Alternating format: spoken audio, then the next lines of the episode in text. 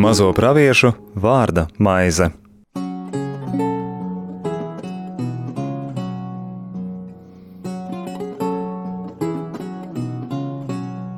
Lai ir slavēts Jēzus Kristus. mūžīgi mūžos slavēts Studijā Stela un Anģela. Mēs šodien turpināsim lasīt pravieša Amosa grāmatas otro nodaļu. Man jau bija vāja cerība, ka varbūt tiksim līdz trešajai, bet ļoti grūti pateikt, vai mums tas izdosies, jo arī tālāk šajā nodaļā no dažiem pāris vārdiem mēs varam izdabūt ļoti plašu atziņu spektru, arī zināšanas par atsevišķām tradīcijām, vecajā derībā, un atkal skatīties, kā tās sabalsojas ar jaunās derības atziņām. Pēc tam redzēsim, pētot šo grāmatu tālāk, ka vairs netiek pieminēts sots pagānu tautām. Ar sodu pagānu tautām Amos laimīgi ir ticis galā jau pirmajā nodaļā. Vairāk viņš tās nepiemina, bet viņš ļoti izvērsti runā par šo spriedumu Izrēlim. Viņš detalizēti tālākajās nodaļās runā par vainu. Tad vaina vienmēr izraisa sodu, nevis tā kā reizēm no apzinīgi vecāki saka, Dievs tevi sodīs.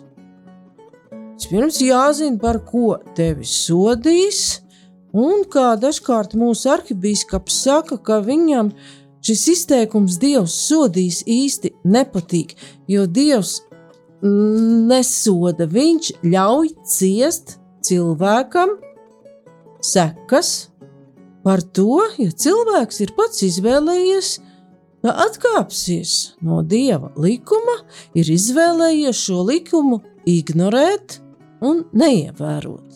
Tātad dieva sodam ir konkrēts cēlonis, un tā ir cilvēka izvēle ignorēt dieva dotos noteikumus laimīgai dzīvei.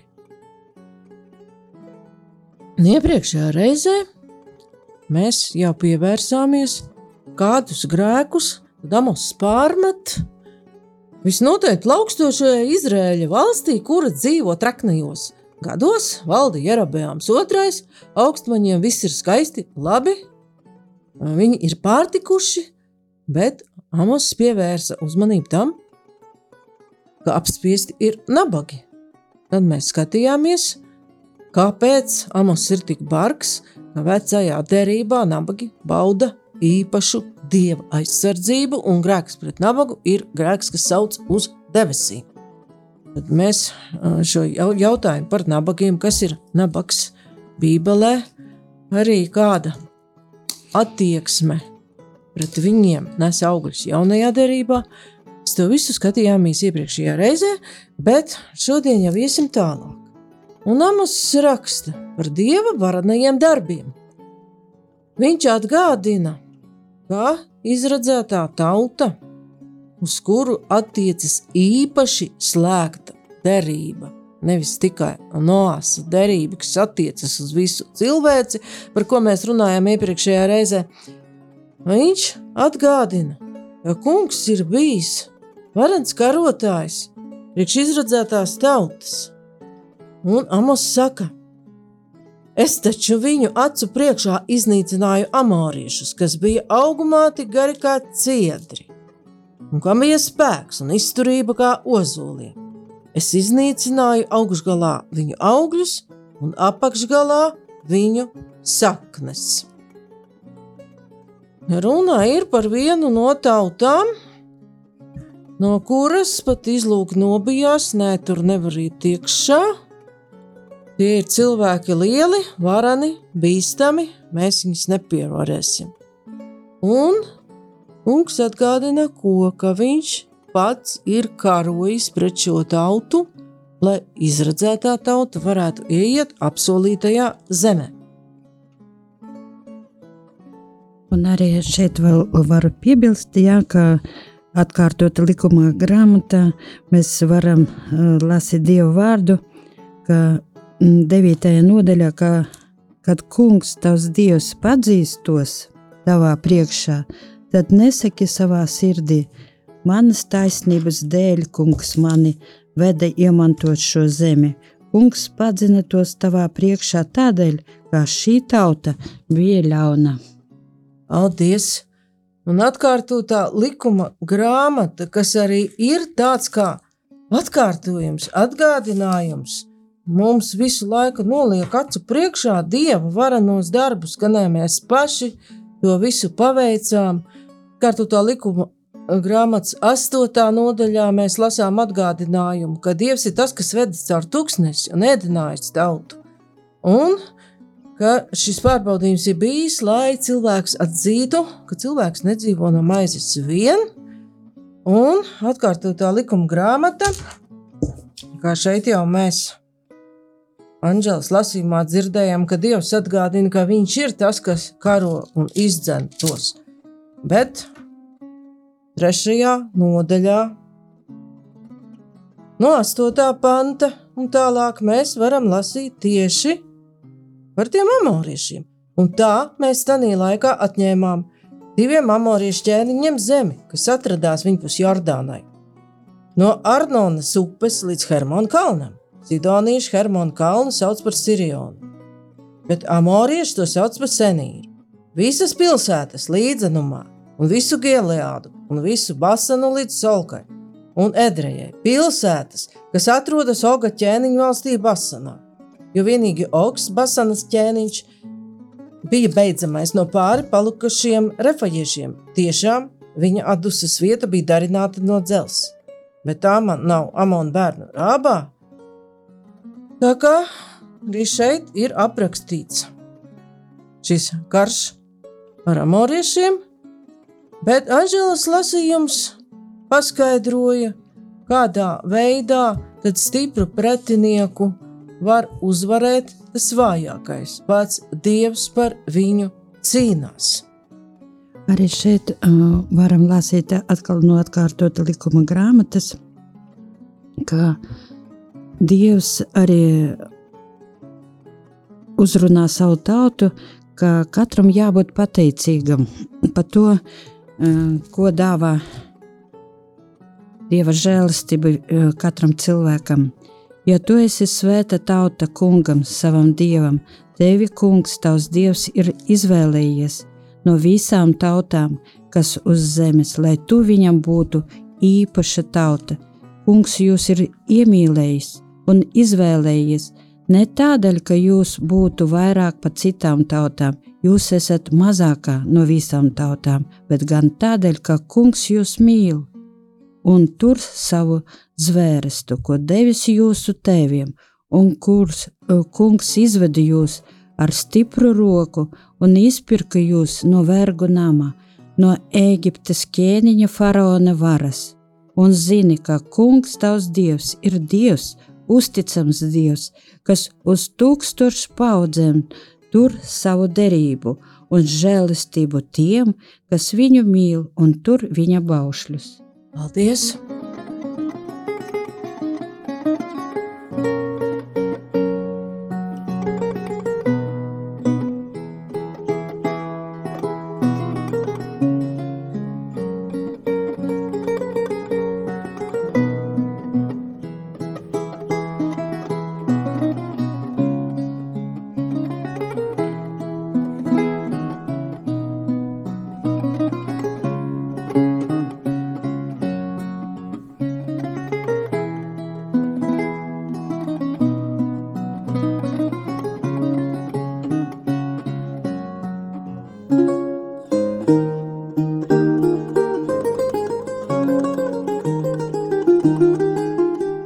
Studijā Stela un Anģela. Tad Anģela nolasīja tekstu par to, kas mums pavēstīja, kad par visu esiet pateicīgi kungam, Jo pateicība ir tāda lieta, kas gan toreiz, gan mūsdienās diezgan ātri aizmirsās. Un kādus varenus darbus kungs darījis Izraēļa labā, mēs varam lasīt izceļošanas grāmatā 14. nodaļā. Visu, protams, nelasīsim, un kas vēlas pats var to izlasīt, kā notiek pāriešana pār jūru. Un kungs saka, Mūzum, es nocietināšu faraona sirdi, viņš dzīsies viņiem pakaļ, un es pagodināšu sevi faraona un viņa karaspēku priekšā, lai Eģipte atzīst, ka es esmu tas kungs. Tā tad mazai cilvēku saujiņai dzenas pakaļ toreizējās lielvalsts karaspēks. Labi bruņots karaspēks, tur ir zirgi, rati, kareivji, viss iespējamais. Mūsdienās tur būtu aviācija, tanki, lielgabali un viss, ko jūs gribat. Un viņi tur, faraons, kad faraona kalpu sirdis pārvērtās pret šo tautu, kāpēc mēs tā darījām, ka atlaidām izrēliešus no vergošanas mums?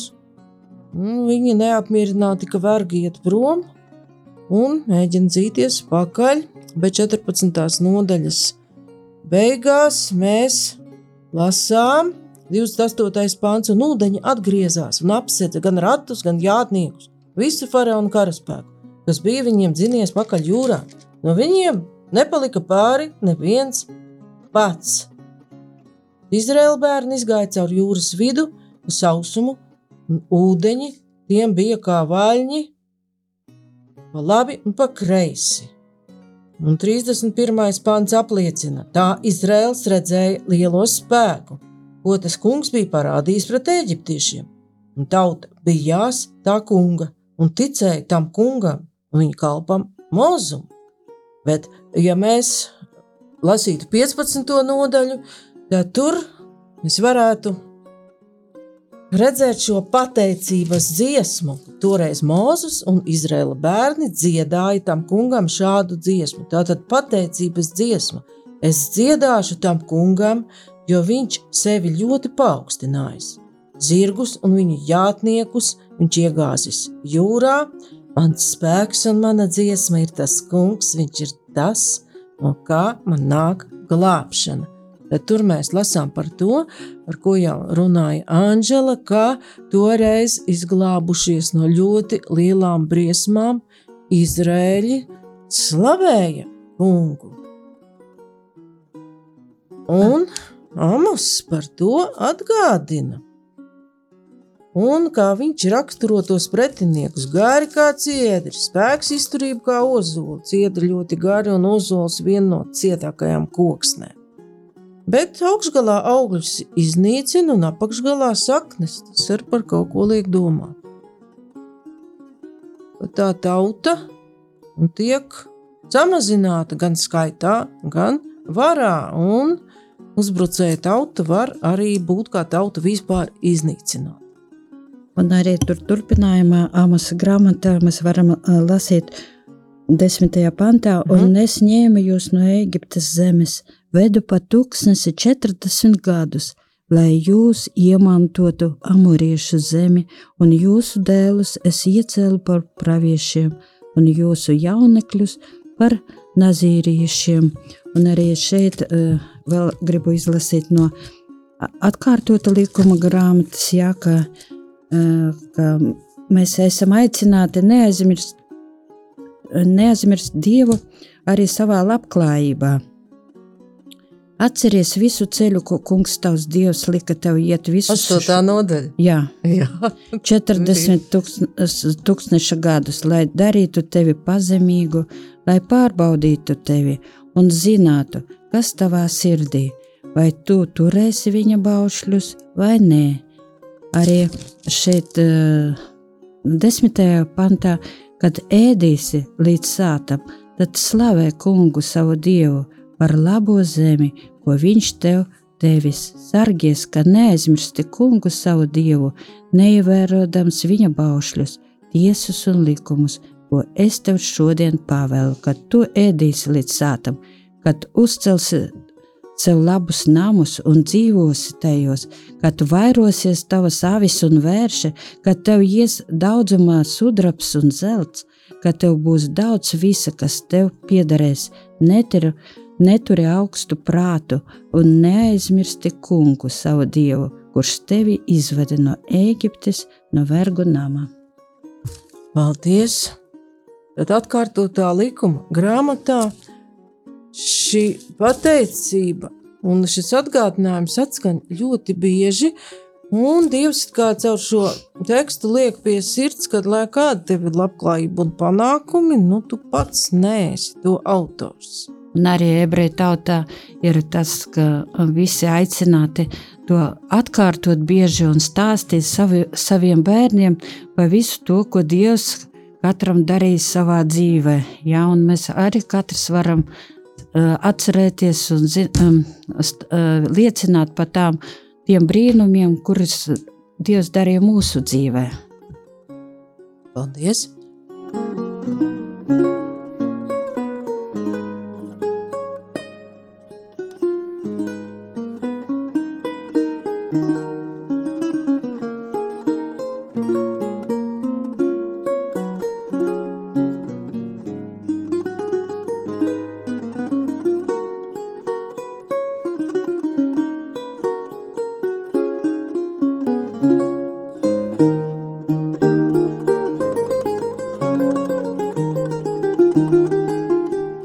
Studijā Stela un Anģela. Un tagad jau pievērsīsimies nākošajām nodaļām, par ko te tālāk pārmet Amos Izrēļiem. Viņš atgādina par īpašām dieva dāvanām cilvēkiem. Piešķīru dažiem no jūsu bērniem praviešu spējas, un dažus no jūsu jaunekļiem izredzēju par nazīriešiem. Vai tas tā nav Izraēla bērni? Viņš tā kā, nu, gandrīz kā filozofs Sokrāts ar šo atgādinājumu grib izradzētajai tautā, izradzētās tautas cilvēkos uzmodināt šo atmiņu par visiem tiem praviešiem, kurus Dievs viņiem ir sūtījis, un arī par šo iespēju kādu laiku būt īpaši tuvu kungam. Un tālāk, ja viņš 12. pantā izsaka ļoti lielu pārmetumu, ka izredzētās tautas cilvēki, tiem redzot, tie, kam ir vara un spēks un iespējas, dara to, ko mēs patreiz saucam tā vienkārši par ieļaunojumu. Bet jūs šiem nazīriešiem dodat dzert vīnu, un praviešiem savukārt pavēlat sacīdami: Jūs nedrīkstat pravietot. Un mēs jau sākot grāmatu pētīt, sapratām, ka pravietis nav tas, kas īpašā veidā redz un pareģo nākotni, vai arī glauda visiem pa spalvai. Pravietis ir tas, kas pavēstīja cilvēkiem tos vārdus, ko pats Dievs liek viņu sirdī, prātā un liek runāt. Un, kad iepri, kādās jau iepriekšējās sezonās mēs lasījām Ecihela grāmatu, arī redzējām, ka šis aicinājums pravietot un šie vārdi nāk no paša kunga. Un dažkārt viens otrs pravietis pat ir ļoti negribīgi sācis šo kunga uzdevumu, kā viens otrs pat ir gribējis likties zemē un nomirt. Cits ir izteicis iebildumus, es esmu jauns un nemāku runāt un nekā nezinu. Bet tomēr šis kunga uzdevums viņiem ir stāvējis augstāk nekā viņu pašu griba negriba. Un par pravietošanu septītā nodaļā to mēs lasīsim gadu vēlāk, bet varam atkārtot pats Amos dabū skarbu pārmetumu. Teikt, viņš diezgan kārtīgi. Dabū pausi, un viņi grib dabūt prom, lai viņš nerunā to, kas tur kādam nepatīk. Septītā nodaļā un desmitā, pa, un, desmitā pantā jau Bētels priesteris Amacijai ļoti neapmierināts, ka sūta ziņu Jerabeāmam Izraela ķēniņam un lika viņam sacīt, tātad tas Amos ir tāds kauls kaklā ar savu pravietošanu, nu, ka tam vietējiem priesterim nepatīk un jāinformē ķēniņš. Amos skūda Izraela ļaudis uz dumpi pret tevi. Zeme vairs nevar paciest viņa vārdus. Un atcerēsimies, vai tad Amos skūdīja uz dumpi pret ķēni? Šķiet, ka ne. Viņš tikai atgādināja kādus varas darbus šai, šī ķēniņa vadītajā valstī. Varanie un stiprie pastrādā pret nabagu, un kā tādā veidā tiek pārkāpta kunga derība. Un tālāk jau ir nu, ļoti vārdi.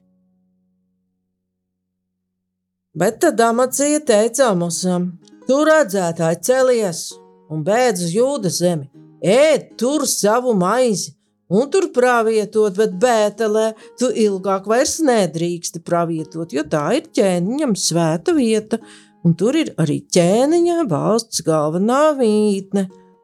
Un tā tad šeit centrā nostājas ķēniņš un tas, ko viņš grib. Nevis tas, ko grib Dievs. Tad...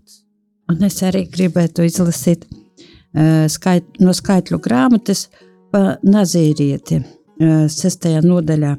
Kungs sacīja mūzim, runā uz Izraēla dēliem un sakitiem, gan vīrs, gan sieva, kas dod nazīriešu solījumu, lai nošķirtu sevi kungam, lai atturas no vīna un skurba dzēriena, lai nedzer ne vīna, ne skurba dzēriena etiķi, lai vispār nedzer vīnogu sulu, lai neēd ne svaigas, ne žāvētas vīnogas. Visu nošķirtības vērsta laiku, lai skuveklis nenāk par viņa galvu, iekams paiet laiks, kurā viņš nošķirts kungam, Viņš lai ir svēts, lai ļauj uz savas galv galvas kuplot cirtām. Visu laiku, kamēr viņš ir nošķirts kungam, lai viņš netuvojās mironi. Paldies! Kā šeit, un Amos gan runā par jaunekļiem, ja par vīriešiem, bet skaitļu grāmatas sestajā nodaļā mēs redzam, ka šī iespēja dot kungam tādu solījumu ir vienlīdzīga gan vīrietim, gan sievietei, ja vīrs vai sieva apsolījušies sevišķi zvērustu kļūt par nazīrieti. Un te mēs redzam adus trīs šo solījumus - atturēties no vīna, reibinošiem dzērieniem, kad aug šie galvas mati, un viņš neiet pie miroņa. Un dažkārt katoļu teologi, īpaši runājot par Samsonu, ļoti tur grib pievilkt klāt celibātu, bet ne grāmatā, soļu grāmatā, tekstos par Samsonu, ne šeit tas nav minēts. Un vīrs vai sieva pat drīzāk mudina mūs domāt, ka šādu solījumu varēja dot kungam, arī precēts vīrietis, precēta sieviete, varbūt pat laulātie un ka šis solījums neizslēdz pat laulāto attiecības, un e, tādā veidā viņi var būt kunga tuvumā. Un e, krievu tulkojumā ir e, šī skaitļu grāmata tulkots mušķina, izženšķina, vīrietis un sieviete. Uz ko mums tas vedina? Kā tur bija? Radīšanas grāmatā un kungs radīja, kas tad ir tas viņa pilnais attēls? Un vīrieti un sievieti viņš radīja. Ka šis nazīrieša solījums ved cilvēku, kas sagatavo jaunās darbības kontekstā, mēs skatītos, ka kaut kā jau sagatavo tam, kas būs. Kad pasaule savu Kristus upuri atgriezīsies jau šajā pirmotnējā svētuma stāvoklī, bet ved cilvēku atpakaļ uz to situāciju, kādā viņš bija ēdienas dārzā pirms grēkā krišanas. Un tur nebija ne celibāta, ne vīna, ne nešķīstas barības, un arī viroņi tur nebija.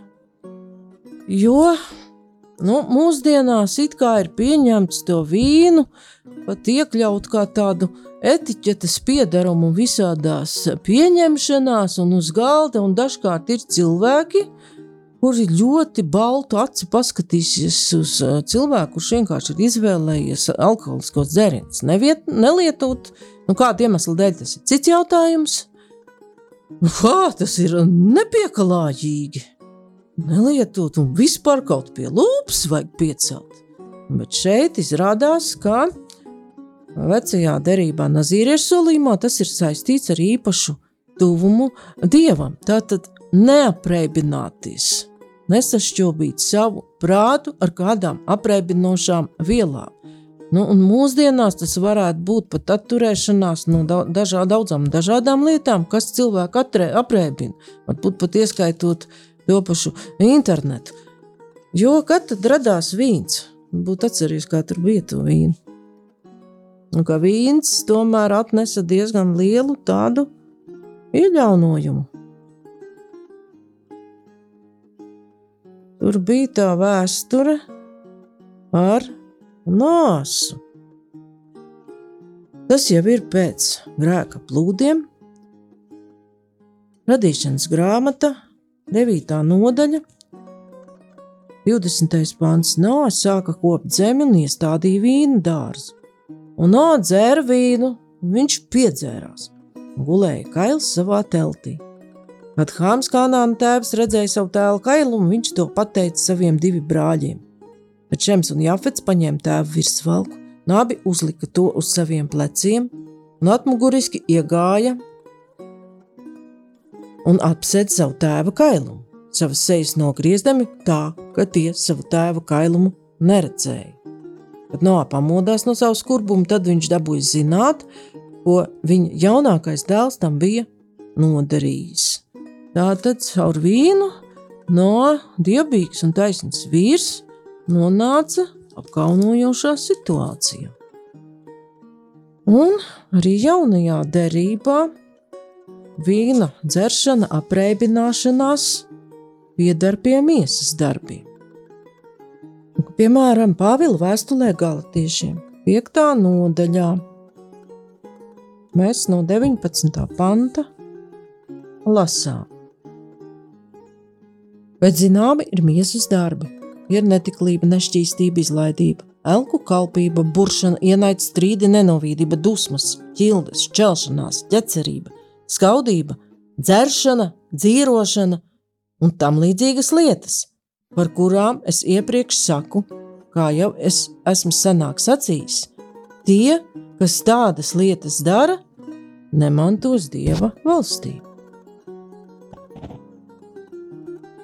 Tā tad nāk, ka ar dzeršanu aizrāvies cilvēks, nemantos dieva valstību, un Tagad jau zinām, ka šis netikums ļoti daudzus cilvēkus ieved lielā postā. Viņi zaudē darbu, zaudē savu cilvēku cieņu, zaudē ģimeni, jo savā apreibumā viņi nav spējīgi objektīvi novērtēt savus apstākļus, īstenību par sevi un par to, kas ir apkārt. Un romiešiem, vēstulē romiešiem, arī par to Pāvils runā. 14. nodaļa vēstulē romiešiem, 17. pants. Jo dieva valstība nav ēšana un dzeršana, bet taisnība, miers un prieks svētajā garā. Tad nu tas, kas šīs lietās kalpo Kristum, ir dievam tīkams un cienījams cilvēku starpā. 20. pants. Neposti dieva darbu ēdienu dēļ. Viss gan ir šķīsts par sevi, bet cilvēkam, kas ēdams apgrēcinājis, tas ir par ļaunu. Tāpēc ir labāk nēst gaļu un nedzert vīnu, nedz arī ko citu darīt, kas brāli apgrēcina. Tātad, kas brāli ievelk šajā. Un, cik var saprast, Amos pārmet tieši to, ka šiem cilvēkiem, kas ir devuši tādu īpašu veltīšanās solījumu, tiek piedāvāts šis vīns, un viņi tā tiek ielā, ievilkti ne tikai savā dzeršanas grēkā, bet arī visā tajā, ko uzskaita apustulis Pāvils. Nu, un par pieskaršanos mironim vecajā derībā šis aizliegums jau bija, un īpaši augstais priesteris nevarēja pieskarties mirušajam, jo šī nāve, nu kā tad viņa ienāca cilvēku starpā? Tā ienāca starp cilvēkiem jau pēc grēkā krišanas, kad cilvēks pats izdomāja pārbaudīt, atšķirt labu no ļauna. Par augstā priestera ierobežotajām iespējām iet pie miroņa runā Levītu grāmata, 21. nodaļa, 11. pants.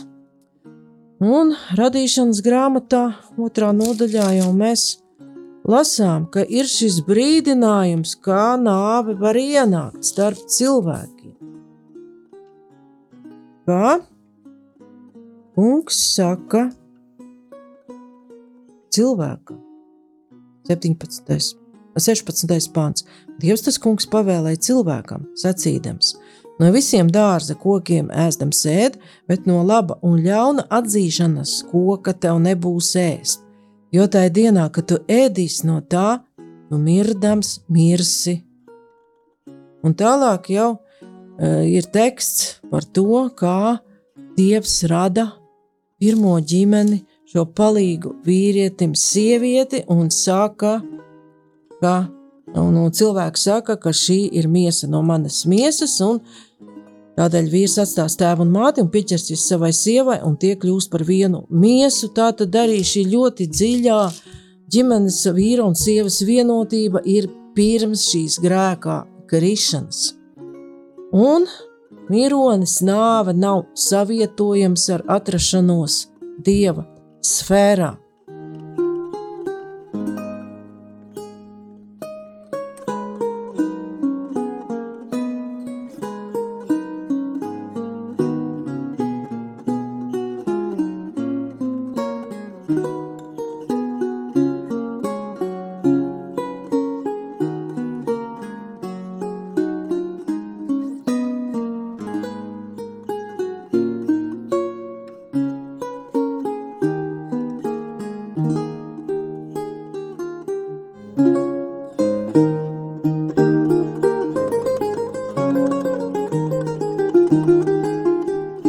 Studijā Stela un Anģela.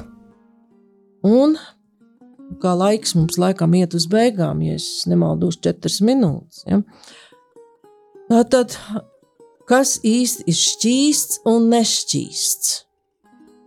Aizraujoties ar vienu dzīvesveidu, dažkārt nonākam pie tāda ļoti šaura secinājuma, ka šķīstība attiecas tikai uz cilvēka no ārpus laulības sakariem vai tāda veida atturību. Taču šķīstību mēs varam saprast jau plašāk.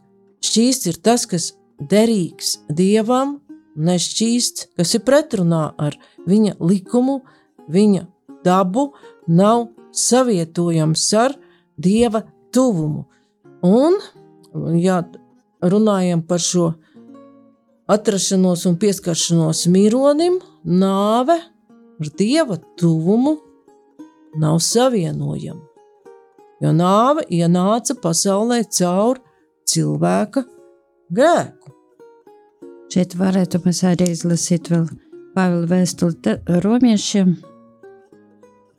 Taisnība caur ticību tā ir, tā ir mums trešā nodaļa. Ja. Jā. No labi, Bet tagad, neatkarīgi no bauslības, ir atklājusies dieva taisnība, par ko liecina bauslība un pravieši ka Dieva taisnība, ticība uz Jēzu Kristu ir visiem, kas tic, kur nav nekādas atšķirības, jo visi ir grēkojuši, un visiem trūks dievišķās godības. Dieva žēlastībā visi tiek attaisnoti bez nopelna, jo Viņš tos atpircis Kristu Jēzu. Viņā, ko Dievs licis par izliegumu, viņa asinīs ko saņēmam ticībā, lai Dievs parādītu savu taisnību. Un Dievs piedod grēkus, kas darīti iepriekš devišķās pacietības pacietības laikā, lai parādītu savu taisnību tagadējos laikos, ka viņš pats ir taisns un attaisno to, kas tic Jēzum. Paldies! Šeit mēs jau ejam cauri jauno derību, kā notiek šī attaisnošana? No grēkiem, bet mūsu laiks ir iztecējis, un pabeigsim lasīt, jo izrādās, ka otro, no otrajā nodaļā vien mēs aizkavējamies jau ļoti ilgi, jo tā ir tik bagāta, un mēs to pabeigsim lasīt jau nākamajā reizē. Nedaudz vēl pievērsīsimies arī Samsonam, jo tur ir tāds interesants moments, ka izrādās, ka pat tas šī viņa nepieņemamā rīcība attiecībā uz filistieti ir bijusi Dieva plānā. Un mēģināsim saprast, kādā veidā Dieva plāns īstenojas cilvēku dzīvēs, un arī mēģināsim saprast tālāk, kā parādās šī Izrēļa vaina un sots jau Amos grāmatas trešajā nodaļā. Bet šoreiz paldies par uzmanību. Studijā bija Stela un Anģela. Izskanēja raidījums Mazo praviešu vārda maize.